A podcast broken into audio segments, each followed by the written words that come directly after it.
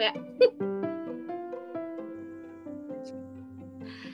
Ya, bismillahirrahmanirrahim. Assalamualaikum warahmatullahi wabarakatuh. Selamat datang teman-teman semua, sahabat semua, Cibi Lovers di Talk Show Cibi Radio bulan November. Yeay, kembali lagi.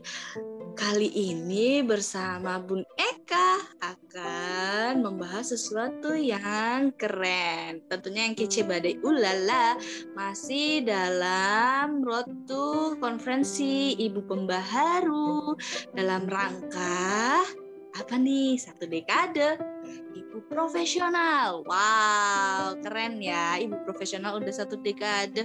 Nah, kali ini kita kedatangan seorang tamu spesial tentunya. Seorang perempuan yang eh, berkarya dan berdaya. Kira-kira berkarya dan berdayanya seperti apa ya? Karena beliau itu fokus menjadi ibu rumah tangga. Ah, siapa ya kira-kira tamunya? Penasaran kan? Ya, kali ini kita kedatangan Mbak Ulfa Hajar Munawaroh. Nah, masih tetap dari Ibu Profesional Yogyakarta. Gitu ya. Yuk, uh, sebelum kita bahas-bahas tentang ibu berkarya dan ibu berdaya, kita langsung yuk panggil Mbak Ulfahnya. Mana nih Mbak Ulfa? Halo, halo Mbak Ulfa. Halo Bun Eka, Assalamualaikum. Waalaikumsalam warahmatullahi wabarakatuh. Apa kabar Mbak Ulfa? Alhamdulillah, luar biasa. Allah Akbar, semangat, semangat. Keren, baru tayang aja, baru tampil aja udah langsung wow dengan semangatnya yang luar biasa. Nah, keren nih eh, Mbak Ulfa ini seorang ibu, seorang perempuan yang super keren, super aktif walaupun baru nih di ibu profesional tapi ternyata beliau aktif banget keren. Kerennya seperti apa sih kita kulik uh, pada Cibi Radio kali ini pada talkshow kali ini. Nah, kita kenalan dulu ya sama Mbak Ulfa. Mbak Ulfa boleh dong kenalan sedikit nih. Kira-kira uh, tinggalnya di mana, aslinya aslinya dari mana, terus anak dan suami seperti apa keluarganya boleh kenalan sedikit aja. Yuk. Oke, uh, selamat. Halo semua, Bun Eka dan uh... Cibi Lovers. Cibi Lovers. Oke, okay, Cibi Lovers uh, dari Jogja untuk dunia gitu ya. Uh, Masya Allah. Perkenalkan semuanya, saya Ulfa. Uh, nama lengkapnya Ulfa Hajar Munawaroh. Hmm, kebetulan ini tahun kedua saya tinggal di Jogja karena saya asli Banten, menikah dengan orang Pekalongan dan alhamdulillah Allah menakdirkan untuk uh, mencicipi uh, tinggal ya, tinggal di Jogja yang katanya kota penuh kota yang menyimpan kerinduan. Nah, kira-kira bener nggak ya? Nggak tahu deh. Apakah uh, akan bertahan berapa lama? Saya pun belum tahu ya. Uh, tapi asli baru tahun pertama uh, saat tahun pertama menginjakkan kaki di Jogja langsung sejatuh cinta itu, sejatuh cinta itu sih sama Jogja. Dan apalagi sekarang uh, tahun ini berarti tahun sama, sama ya tahun kedua juga berarti ini tahun ketiga saya tinggal di Jogja dan tahun kedua saya uh, menjadi bagian dari ibu profesional Jogja dan makin dibuat uh, cinta saya sama Jogja dengan seluruh isinya gitu. Kalau suami aktivitas guru, uh, kalau saya uh, seperti yang tadi Bun Eka sudah bilang fokus menjadi ibu rumah tangga dengan anak satu usia alhamdulillah baru 18 bulan. Jadi masih uh, banyak banget harus terus belajar dan belajar karena semakin uh, tinggi uh, level kehidupan eh, level kehidupan kita atau semakin banyak amanah yang kita pikul khususnya mungkin kalau saya sebagai ibu rumah tangga ini anak dan uh, amanah-amanah lainnya tentu ilmunya juga harus lebih banyak betul bukan begitu Bu Ek, Bun Eka? Iya betul banget. Jadi uh, masih ini ya, masih sama baby usia 18 bulan, hmm. masih apa ya, masih masih lucu-lucunya, masih gemes-gemesnya, masih tinggal. masih gemes ya, gemes. ya banget pokoknya pengen nempel nempel nempel nempel nempel banget. Pokoknya yang dicari itu selalu deh ibunya nomor satu. Favorit itu ibu. Nah kira-kira uh, apa ya aktivitas mbak Ufa sehari-hari nih selain jadi ibu rumah tangga dan sama si siapa namanya? Afa Afa ya si Afa itu ngapain aja nih? Kalau misalnya ditanya aktivitas uh, apa namanya setelah menikah setelah menikah hmm, aktivitas uh, fokus utama menjadi ibu rumah tangga. Karena memang eh, nggak uh, tahu ya itu antara cita-cita dan memang Allah mengabulkan mungkin ya doa-doa uh, saya selama ini gitu. Jadi kalau misalnya uh, apa namanya selain menjadi ibu rumah tangga, alhamdulillah sejak tahun kemarin ya, berarti sejak tahun 2000 2020 uh, Allah memberikan amanah baru buat saya untuk menerima setoran hafalan Al-Qur'an dari mahasiswa-mahasiswa yang terdaftar di Rumah Quran Jogja. Uh, seperti itu. Tapi uh, tetap aja ya dibandingkan um, tugas atau amanah menjadi ibu rumah tangga itu hanya mengambil sedikit sekali porsi waktu hidup saya gitu ya. Uh, selain itu um, apa namanya uh, baru-baru ini uh, bergabung di salah satu uh, apa namanya penerbitan buku gitu ya uh, menjadi salah satu pegiat uh, literasi anak juga. Karena ya memang pokoknya uh, kehadiran Ava dalam hidup saya tuh membuat saya terus untuk terus belajar dan mengikuti banyak komunitas-komunitas atau kumpulan-kumpulan khususnya ibu-ibu muda gitu ya. Karena saya merasa dengan bergabung di berbagai macam komunitas itu membuat uh, saya lebih berdaya gitu ya, membuat saya juga termotivasi untuk terus berkarya gitu. Karena kalau misalnya uh, dengan aktivitas yang fokusnya menjadi ibu rumah tangga, tapi saya uh, cuman fokus sama diri saya dan anak saya gitu.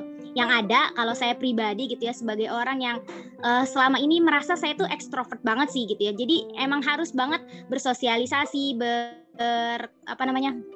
ya bersinggungan dengan orang lain gitu ya selain uh, keluarga tentunya gitu. Jadi uh, dengan bergabung di berbagai macam komunitas itu membuat saya lebih uh, merasa ada manfaatnya gitu ya. Selain terlepas dari uh, amanah saya menjadi seorang istri dan seorang ibu, gitu sih Bun Eka selama uh, sejauh ini aktivitas yang uh, saya lakukan. Wah, keren ya. Walaupun jadi ibu rumah tangga, tapi tapi tetap aktif di berbagai komunitas, tetap bisa berdaya, berkarya kayak gitu.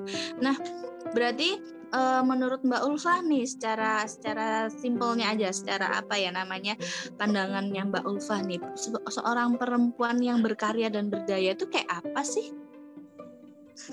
Oke, kalau misalnya menurut saya pribadi berkarya itu bisa memberikan manfaat untuk orang lain apa pun bentuknya. apa pun bentuknya dan otomatis itu pasti disesuaikan atau dikembalikan lagi kepada diri kita masing-masing gitu ya uh, dikembalikan lagi kepada apa yang kita bisa, apa yang kita mampu lakukan, dan uh, itu berimpact atau membawa dampak buat orang lain gitu ya, bukan untuk diri kita sendiri gitu. Simpelnya kalau misalnya mungkin ada orang yang mikir wah saya ibu rumah tangga apa ya karya uh, apa namanya karya yang bisa saya berikan untuk orang lain kayak gitu. Sebenarnya teman-teman buat uh, apa namanya resep masakan gitu ya, terus diupload uh, di Cookpad atau misalnya sekedar teman-teman di media sosial pribadi kita gitu ya. Terus ada orang yang melihat, wah orang berterima kasih, orang ngerasa terbantu dengan adanya resep yang kita tuliskan di media sosial apa di sosial media kita. Itu udah jadi satu karya. Tapi mungkin uh, kita ngerasa itu ah, karya kayak gitu, itu mah iseng-iseng aja. Misal ada orang yang suka iseng upload makanan gitu ya.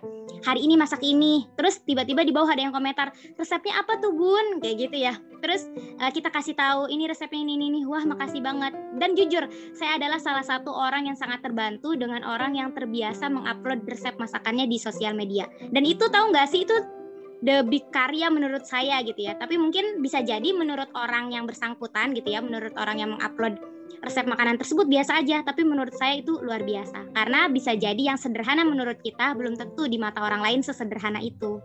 Kayak gitu. Jadi uh, kayak gitu sih yang penting kuncinya itu ada di bisa memberikan manfaat untuk orang lain itu kalau menurut saya ya Oke, keren keren keren. Yang penting bermanfaat dan bisa ya membuahkan hasil walaupun sesederhana sesederhana itu ya.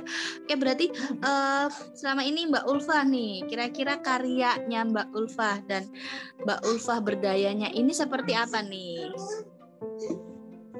Saya sebenarnya tadi saya udah bilang ya sesederhana apa pun gitu. Kalau menurut saya uh, kalau misalnya dilihat dari apa yang saya bisa gitu ya dari apa yang saya uh, mampu lakukan dan yang saya senangi itu jujur gitu ya. Dia berbicara berbicara mau di depan orang mau uh, ketemu misalnya ketemu murid-murid atau ketemu relasi relasi-relasi gitu ya. Terus saya berbicara di situ dan saya merasa itu karya saya gitu ya. Entah uh, apa namanya seberapa besar dampak yang uh, ucapan saya berikan sama orang yang saya ajak berbicara gitu ya. Uh, saya merasa itu uh, karya yang bisa saya lakukan. Tapi se selain itu selain dari kemampuan itu uh, kalau itu kan berkaitan sama kemampuan speaking gitu ya berbicara. Selain itu saya juga uh, apa namanya uh, alhamdulillah sudah mengeluarkan sudah mem, sudah tergabung dalam uh, apa namanya menuliskan beberapa buku antologi gitu ya.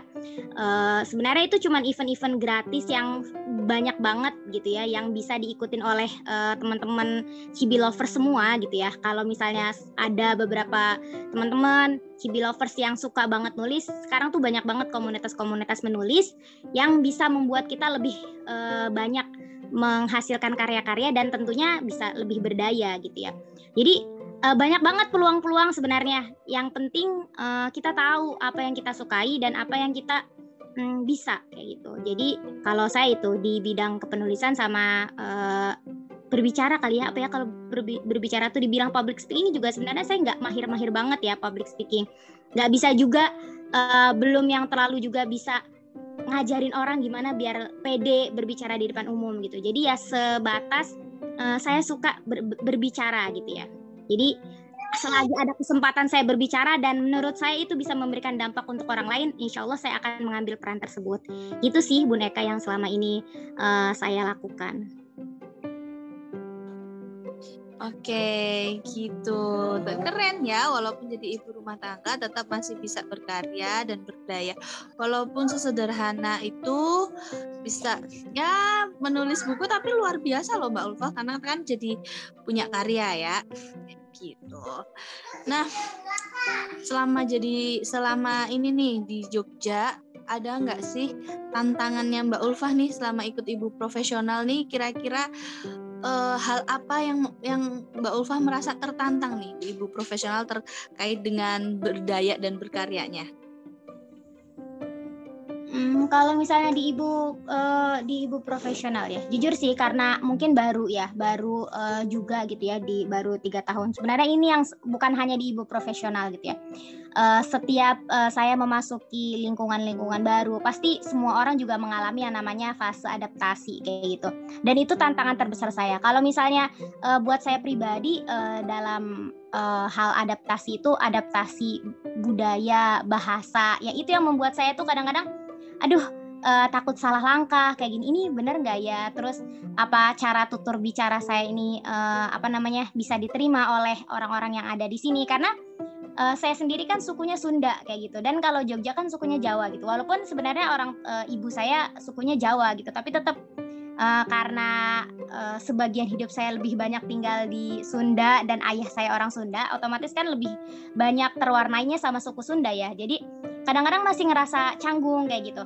Uh, dan itu sih tantangan uh, terbesar saya. Jadi kayak misalnya mau ngambil peran baik itu di ibu profesional ataupun di luar ibu profesional gitu ya di masyarakat itu salah satu tantangan terbesar saya adalah uh, apa namanya perbedaan budaya dan bahasa itu ya gitu. Kayak misalnya di tetangga-tetangga di sini di sekitar rumah saya gitu.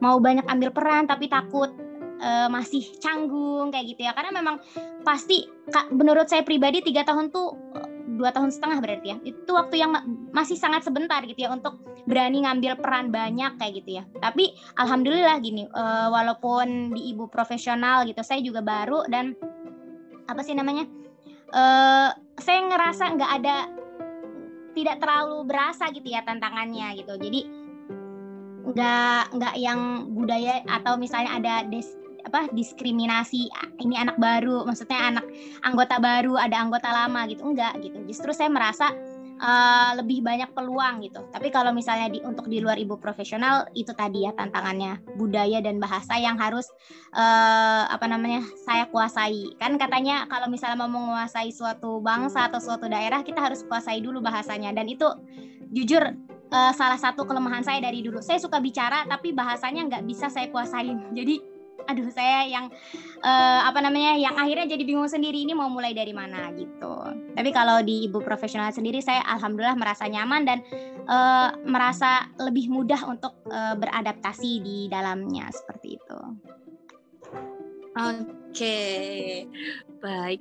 Ini berarti kan suami ini ya, suami orang Jawa nih berarti. Berarti suami luar biasa ya untuk uh, membantu Mbak Ulfa adaptasi karena kan bahasa Sunda dan bahasa Jawa itu sebenarnya kan ada ada ada sama-samanya tapi banyak perbedaannya kan. Benar. Nah, peran suami seperti apa nih Mbak Ulfa? Kayaknya keren banget nih kalau misalnya kita udah bahas tentang suami nih. Hmm. Kalau uh, peran suami tuh udah nggak usah dibicarain lagi ya, boneka ya luar biasa banget gitu. Kalau saya sih terutama keteladanan kayak gitu ya, keteladanan yang diberikan sama suami saya tuh luar biasa gitu. Uh, bukan tipe orang yang kalau nasehatin tuh langsung gitu, maksudnya uh, Uma Oma harus kayak gini kayak gini misalnya kayak gitu ya kayaknya nggak enak maksudnya kalau kayak gitu tuh salah misalnya kayak gitu ya terus kalau kayak gini tuh bener kayak gitu justru dia lebih ke kayak memberikan contoh bahwa kalau misalnya kayak uh, baiknya tuh kayak gini tapi dari dari apa ya dari perbuatan-perbuatan dia kayak gitu ya. Jadi entah mungkin beliau tahu ya betapa lembutnya hati saya dan mudah banget sakit hati gitu kali ya. Entah deh. Jadi uh, beliau tuh lebih uh, mm, jadi kayak uh, kalau misalnya ditanya peran suami uh, untuk uh, proses uh, saya dalam berkarya atau menghadapi tantangan-tantangan gitu ya dalam uh, tiga tahun uh, ini gitu ya dalam tiga tahun ini. Ya salah satunya itu uh, memberikan keteladanan mem selalu memberikan support terbaik gitu. Jadi ketika misalnya saya um, apa namanya minta izin untuk mengambil peran A peran B gitu ya. Terus uh, justru uh, beliau yang apa namanya uh, memberikan semangat dan memberikan perlu uh, memberikan dorongan-dorongan dan tentunya memberikan masukan gitu. Uh, apa namanya baiknya seperti ini. Dan itu masukan-masukan yang diberikan pun atas permintaan saya gitu. Jadi kalau misalnya saya nggak minta masukan ya beliau juga nggak akan memberikan masukan karena uh, apa ya mungkin sangat sangat menjaga perasaan saya gitu. Dan emang uh, di awal-awal pernikahan juga saya sudah uh, mungkin karena terlalu banyak menceritakan perihal pribadi saya kepada beliau gitu. Jadi uh, sejauh ini sejauh perjalanan pernikahan kami beliau selalu mensupport dan uh, justru ya ya the best support system lah buat saya gitu ya. Karena nggak nggak pernah nggak pernah banget gitu ya menghalang-halangi saya untuk mengambil peran A, peran B. Justru nanti saya yang jadi bingung. Uh, ya kalau misalnya Uma ambil peran ini gimana? Kalau misalnya dirasa mampu, dirasa bisa, ya silahkan. Akhirnya kan jadinya balik lagi ya, Bon, ke kita gitu ya. Wah, mampu nggak ya gitu ya. Dan saya tip, maksudnya saya itu tipe orang yang kalau misalnya minta pendapat ya benar-benar uh, misal diambil atau enggak nih ya perannya gitu. Ya kalau misalnya uh, beliau bilang ambil, ya insya Allah saya ambil. Tapi kalau misalnya beliau bilang enggak, ya uh, apa namanya? itu akan uh, membantu saya untuk mengambil keputusan. Tapi kalau misalnya beliau malah nanya, kalau misalnya dirasa mampu silahkan diambil. Kalau misalnya dirasa tidak ya eh, apa monggo dipertimbangkan lagi gitu. Nah itu malah bikin saya bingung. Tapi justru kalau misalnya saya bilang ya udah Uma ambil uh, beliau akan mensupport uh, 100 seribu persen kali ya bukan 100 lagi seribu persen kayak gitu. Uh, kayak misalnya di bonsai gitu ya ya saling support gitu. Duh belum bikin jurnal nanti bangunin ya kayak gitu. Yang kayak gitu kayak gitu. Jadi emang benar-benar uh, alhamdulillah uh, mensupport. Karena uh, prinsip kita dari awal pernikahan adalah uh, selama itu uh, memberikan dampak baik buat diri kita ataupun bahkan bisa memberikan dampak untuk orang lain insya Allah kita akan saling bantu kayak gitu. Karena uh, proses pembelajaran uh, dari setiap pengalaman itu akan selalu kita dapatkan dan dalam kehidupan ini proses belajar nggak akan pernah berhenti gitu dan tadi kan pembelajaran-pembelajaran itu kita akan dapatkan dari berbagai macam pengalaman yang kita lakukan kayak gitu sih. Insya Allah keren banget nih dapat ya sesuai ini ya dapat pasangan yang benar-benar bisa support. Iya alhamdulillah. Support perempuan jelasnya seorang perempuan walaupun jadi ibu rumah tangga hmm. uh, tetap bisa disupport untuk bisa berkarya dan berdaya kayak gitu. Masya allah keren banget suaminya nah ini ada nih kaitannya terkait dengan tema kita hari ini berkarya dan berdaya nah ada pepatah ada se sebuah apa ya kutipan itu terkait dengan perempuan yang berdaya maka dia perempuan yang berkarya, maka dia pun berdaya. Nah, kira-kira menurut Mbak Ulfa tuh gimana nih? Benar apa enggak? Setuju apa enggak? Perempuan yang berkarya, maka dia berdaya. Nah, kira-kira gimana Mbak Ulfa? Setuju, setuju banget. Kenapa? Karena uh, apa namanya? Mungkin ya uh, kita selalu uh, mendengar stigma-stigma negatif gitu ya, terutama untuk uh, or apa para ibu yang memilih untuk menjadi ibu rumah tangga kayak gitu ya. Uh, apa sih namanya? Ah, cuman di rumah aja kayak gitu ya. Ah, cuman gini aja bisanya ngam apa namanya? Hmm, uh, hidup foya-foya dari hasil kerja suami, misalnya kayak gitu ya.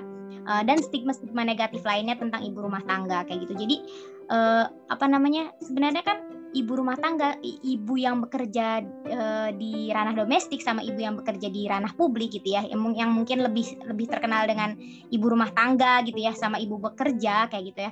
Sebenarnya mereka sama-sama bekerja gitu kan, mereka sama-sama bekerja dan uh, apa namanya, mereka sebenarnya sama-sama punya peluang untuk berkarya gitu ya.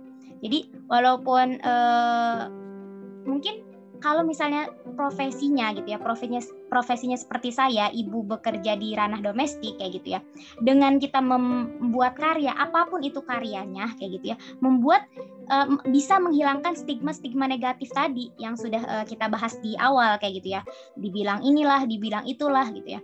Uh, kalau misalnya apa bedanya gitu ya apa bedanya ketika kita misalnya memilih untuk ibu bekerja di ranah uh, publik tapi kita sibuk dengan diri kita sendiri gitu ya.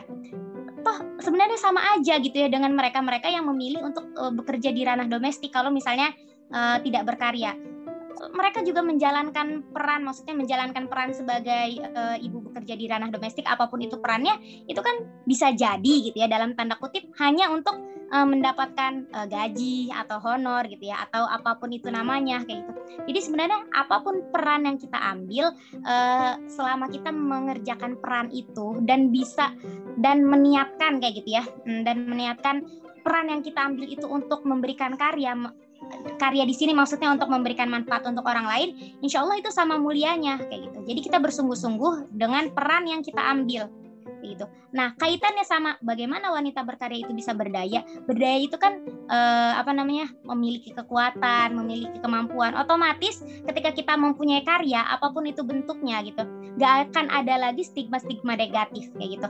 Ah, ini orang eh, si ibu ini gitu ya memilih bekerja di ranah domestik, pasti keluarganya nggak keurus misalnya kayak gitu ya.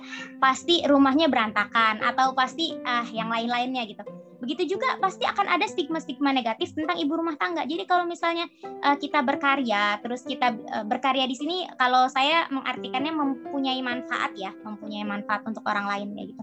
Insya Allah stigma-stigma negatif itu akan uh, hilang gitu ya, akan tenggelam seiring dengan manfaat yang bisa kita berikan pada orang lain. Akhirnya yang muncul adalah uh, tadi istilah wanita berdaya, memiliki kemampuan, memiliki ke kekuatan dan tentunya bisa berdampak untuk orang lain baik itu ibu yang memilih bekerja di ranah domestik ataupun ibu yang bekerja di ranah publik. Seperti itu. Jadi uh, setuju banget jadi uh, kalau tapi kalau saya tadi itu yang mengartikannya berkar berkarya adalah bisa memberikan manfaat untuk orang lain apa pun bentuknya. Oke, mat banget berkarya itu. Yang penting bisa bermanfaat untuk orang lain. Nah, Mbak Ulfa nih, kira-kira sudah ngambil peran apa nih di ibu profesional nih? Boleh dong dikasih tahu ke teman-teman yang lainnya nih.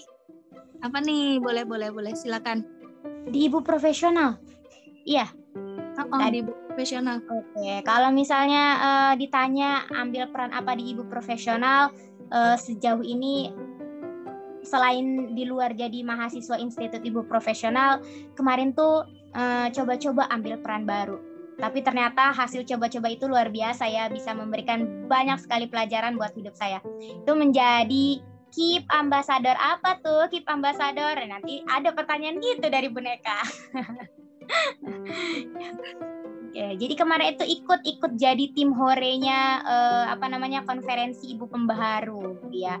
Yang uh, peran utamanya tuh menggaungkan gitu ya, menggaungkan uh, apa namanya acara konferensi ibu pembaharu yang uh, dalam rangka satu dekade ibu profesional.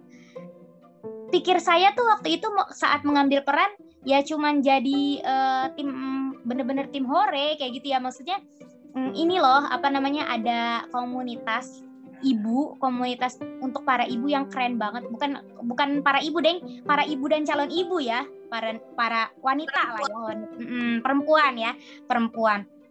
Yang keren banget karena saya sudah merasakan uh, manfaat luar biasa dari bergabungnya saya di ibu profesional ini akhirnya saya berpikir gitu ya kayaknya nggak harus seharusnya bukan saya aja dong yang tahu kalau ini loh ada komunitas yang super keren banget yang orang juga harus tahu Nah, saya kan suka banget nih. Saya suka banget ngomong, saya suka banget ngompor-ngomporin orang buat ikut-ikutan kelas, ikut-ikutan komunitas. Pokoknya sesuatu yang kebaikan gitu ya.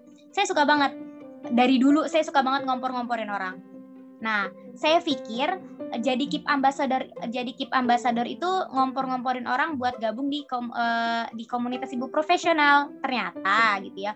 Lebih dari itu gitu. Jadi ini loh ibu profesional punya event yang keren banget namanya konferensi ibu pembaharu. Nah, kita harus uh, bantu gaungkan acara itu dengan tema-tema perpekannya dan yang lain dan segala macam tantangannya. Tapi itu benar-benar jauh di luar perkiraan saya kayak gitu. Dan eh, apa namanya manfaat yang saya dapatkan juga banyak banget. Walaupun sebenarnya saya belum bisa totalitas di peran itu tapi eh, manfaat yang sudah saya dapatkan itu luar biasa banget. Jadi saya jadi penasaran sama peran-peran yang lain yang ada di ibu profesional. Tapi saya masih mau eh, menilik menilik, mau beradaptasi dengan uh, segala sesuatu yang ada di dalamnya tapi keren banget sih so far ibu profesional tuh keren banget Oke, nah sejauh ini nih kira-kira uh, apa ya ke depannya nih di ibu profesional Mbak Ulfa tuh bakal ngapain nih di ibu profesional? Ada nggak uh, cita-cita dan harapannya yang pengen banget didapetin lagi di ibu profesional selain ikut di apa baru di institut ya? Apa nih kira-kira Ulfa? Kalau uh, yang udah ada di pikiran saya sih uh, kalau misalnya gitu ya kalau misalnya nanti saya sudah mulai bisa beradaptasi dengan segala ritme yang ada. Karena sekarang juga jujur ya masih uh, beradaptasi banget sama ritme-ritme ngejurnal dan yang lainnya kayak gitu ya uh, yang paling uh, membuat saya tertarik itu ya menjadi uh, bagian dari kepengurusan kayak gitu. Mungkin kalau misalnya di uh, Jogja namanya Sri Kandi kayak gitu. Tapi belum kebayang sih ya mau ambil peran apa kayak gitu. Tapi itu menarik buat saya gitu karena memang uh, segala sesuatu yang kaitannya sama bisa dibilang organisasi lah ya uh, walaupun mungkin organisasi kecil atau seperti apa dan itu menjadi sebuah daya tarik tersendiri buat saya tapi itu nantilah. Nah, itu masih cita-cita kan ya bun ya? Nah yang selanjutnya pengen banget sih ngelirik ke main-main ke apa namanya kampung komunitas. Karena ngeliat aktivitas-aktivitas dan mm, ngintip-ngintip kegiatan-kegiatan sebagian teman-teman saya yang gabung di sana tuh kayak asik gitu. Tapi eh, apa karena kemarin itu khawatir nanti takut nggak bisa eh, konsisten dan malah jadi keteteran, akhirnya eh, saya ngerasa saya lebih membutuhkan eh, institut ibu profesional gitu. Tapi semuanya keren sih di ibu profesional tuh membuat saya tertarik. Tapi itu ya yang paling uh, membuat saya tertarik itu dua tadi menjadi bagian dari uh, dapurnya uh, apa namanya ibu profesional di mana pun itu gitu ya perannya. Belum tahu bukan di mana pun belum tahu ya belum terlalu kebayang. Sama yang kedua uh, ikut uh, um, apa menjadi bagian dari uh, warga kampung komunitas. Itu sih kalau misalnya ditanya. Iya sih di profesional itu nggak ada habisnya. Jadi uh, semuanya menarik semuanya unik semuanya rasanya pengen apa ya kita tertarik pengen ini pengen itu pengen kalau misalnya bisa semua sih ya pengen betul banget. kayak gitu. Tapi karena keterbatasan ya keterbatasan kita ya kayak gitu. Keterbatasan jadi, diri banget ya jadi kita harus bisa memilah dan memilih nih mana yang kiranya kita butuh dan mana yang kiranya kita sanggup kayak gitu ya Mbak Ulfa ya. Oke okay. uh, eh, sekiranya sudah di ujung acara nih ya ujung acara talkshow sebenarnya banyak banget nih ya Cibi Lovers pengen pengen saya ulik lagi terkait dengan Mbak Ulfa yang ternyata walaupun masih masih apa ya masih baru di ibu profesional dan masih baru juga jadi ibu ternyata pengalamannya itu luar biasa. Banyak hal yang yang rasanya itu uh, harus banget dibagikan ke teman-teman Cibi lovers kayak gitu ya nah ini nih boleh dong apa namanya satu pesan dari Mbak Ulfa nih, anggap aja sebagai closing statement dari Mbak Ulfa terkait dengan apa aku berdaya, aku berdaya, aku berkarya, aku berdaya. Hampir ya. Ketukar-tukar nih. Aku berkarya, aku berdaya. Nah, apa nih? Satu statement yang sekiranya bikin wow, para perempuan Indonesia jadi makin pengen berkarya dan berdaya. Seperti itu Mbak Ulfa. Hmm, oke. Okay. Wajar sih Bun Eka kepleset-kepleset karena memang e, seperti tadi sudah kita bahas ya itu satu kesatuan gitu. Ketika kita bisa menghasilkan karya, insya Allah kita juga menjadi wanita yang berdaya kayak gitu. E, kalau misalnya e, ada beberapa apa ya e, paham yang mengatakan kalau misalnya di dalam Islam itu apa namanya perempuan itu dianggap rendah dan yang lainnya justru salah kayak gitu ya justru banyak sekali uh, di dalam Islam ini yang menunjukkan bahwa uh, wanita itu uh, tiang sebuah negara kayak gitu ya. Kalau misalnya tadi saya uh, sempat baca-baca gitu ya bahwa memang uh, dalam uh, sejarahnya perempuan itu punya peran yang sangat besar dalam uh, khususnya gitu ya, khususnya dalam kemerdekaan bangsa Indonesia. Nah, sekarang kita mau nggak sih ambil peran gitu untuk menjadi bagian uh, dari sejarah melalui karya-karya kita? dan teman-teman semua perempuan-perempuan Indonesia uh, baik yang di Jogja maupun di mana pun kalian berada kayak gitu ya, khususnya Cibi lovers punya peluang yang sangat-sangat besar untuk uh, menjadi bagian dari uh, sejarah tersebut untuk mengambil untuk membuat peran-peran untuk menghasilkan karya-karya yang hebat karya-karya yang luar biasa caranya teman-teman harus tahu dulu apa yang teman-teman kuasai, apa yang teman-teman mampu lakukan. Habis itu kita uh, apa namanya? Uh, tambah jam terbang kita agar kita semakin uh, hebat di situ gitu ya. Agar kita semakin hebat di situ akhirnya kita lama kelamaan kita bisa menghasilkan karya. Dan insya Allah karya-karya itu nanti yang akan menjadi uh, kenangan atau akan menjadi sejarah ketika kita sudah tidak ada lagi di atas muka bumi ini gitu ya.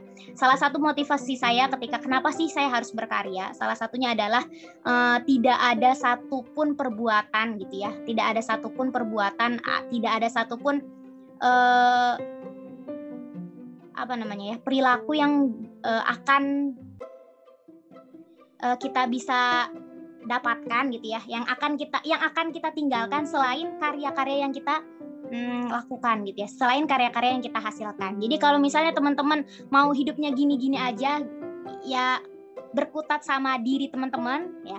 Sama aku lagi aku lagi aku lagi siap-siap nanti ketika Allah mengambil kita ketika Allah ketika akhirnya waktu kita habis di muka bumi ini kita tidak kita akan secepat itu dilupakan oleh orang-orang di sekeliling kita. Mungkin kalau misalnya keluarga ya nggak mungkin ya melupakan kita. Tapi untuk orang-orang uh, di luar keluarga kita kita akan dikenang sebagai apa uh, itulah uh, nanti. Kayak misalnya saya ingin dikenang sebagai seorang penulis sebagai orang yang uh, bisa memberikan motivasi kepada orang lewat tulisan-tulisan saya ya berarti saya harus berkarya kayak gitu walaupun misalnya saya tadi uh, mengatakan kayak gitu ya uh, ucapan apa saya suka berbicara kayak gitu. Tapi kalau misalnya cuma sekedar bicara saya tidak uh, menghasilkan karya-karya yang lain kayak gitu ya.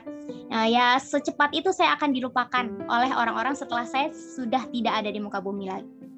Dan insya Allah karya apa pun harapannya itu bisa uh, membantu kita gitu ya untuk mendapatkan tempat yang terbaik kelak di uh, hari akhir nanti kayak gitu ya. Uh, itu sih uh, motivasi terbesar saya kenapa uh, saya uh, kita semua harus memiliki karya. Karena sebenarnya kita semua punya peluang, tinggal kita yang memilih mau atau tidak. Sekarang atau nanti. Tapi kita nggak tahu uh, berapa lama lagi kita akan uh, hidup di atas muka bumi ini. Jadi mau di uh, kenang atau mau dilupakan, maka jangan ragu untuk berkarya. Insya Allah seperti itu, Bu Neka. Masya Allah, pesannya keren banget nih dari Mbak Ulfa. Jadi penting banget ini teman-teman nanti uh, Cibi Lovers nyimak dari awal sampai akhir bagaimana perjalanannya Mbak Ulfa hingga ini ada pesan yang keren banget dari Mbak Ulfa sebagai seorang perempuan itu wajib banget berkarya dan dan bisa berdaya kayak gitu ya. Terima kasih Mbak Ulfa uh, sudah mengisi talk show Cibi Radio di bulan November. Makasih sekali ya Mbak Ulfa ya. Banyak sekali pelajaran dan pesan ya, dari sama luar biasa. Mohon maaf Bun Eka dan semua Cibi lovers kalau ada kata-kata yang salah itu murni uh, kehilafan dari mulut saya yang manusia super duper luar super duper biasa ini ya. Masya Allah, nanti banyak pelajaran banget kok dari Mbak Ulfa. Walaupun masih masih apa ya Mbak Ulfa merasa masih sebentar menjadi seorang ibu baru sekitar dua setengah tahun dan baru juga apa ya namanya jadi seorang ibu dan istri tentunya kayak gitu jadi tapi banyak banget cerita dan pengalaman Mbak Ulfa yang bisa kita pelajari dan bisa kita ambil pengalamannya kayak gitu oke terima kasih Mbak Ulfa sudah hadir di Cibi Radio Insya Allah nanti kapan-kapan kita berjumpa lagi dan ngobrol lagi di sini ya Mbak Ulfa ya. Insya Allah. Terima kasih atas kesempatannya. Oke, kalau gitu Uh, sekian Cibi Lovers perbincangan kita di talk Cibi Radio bulan November.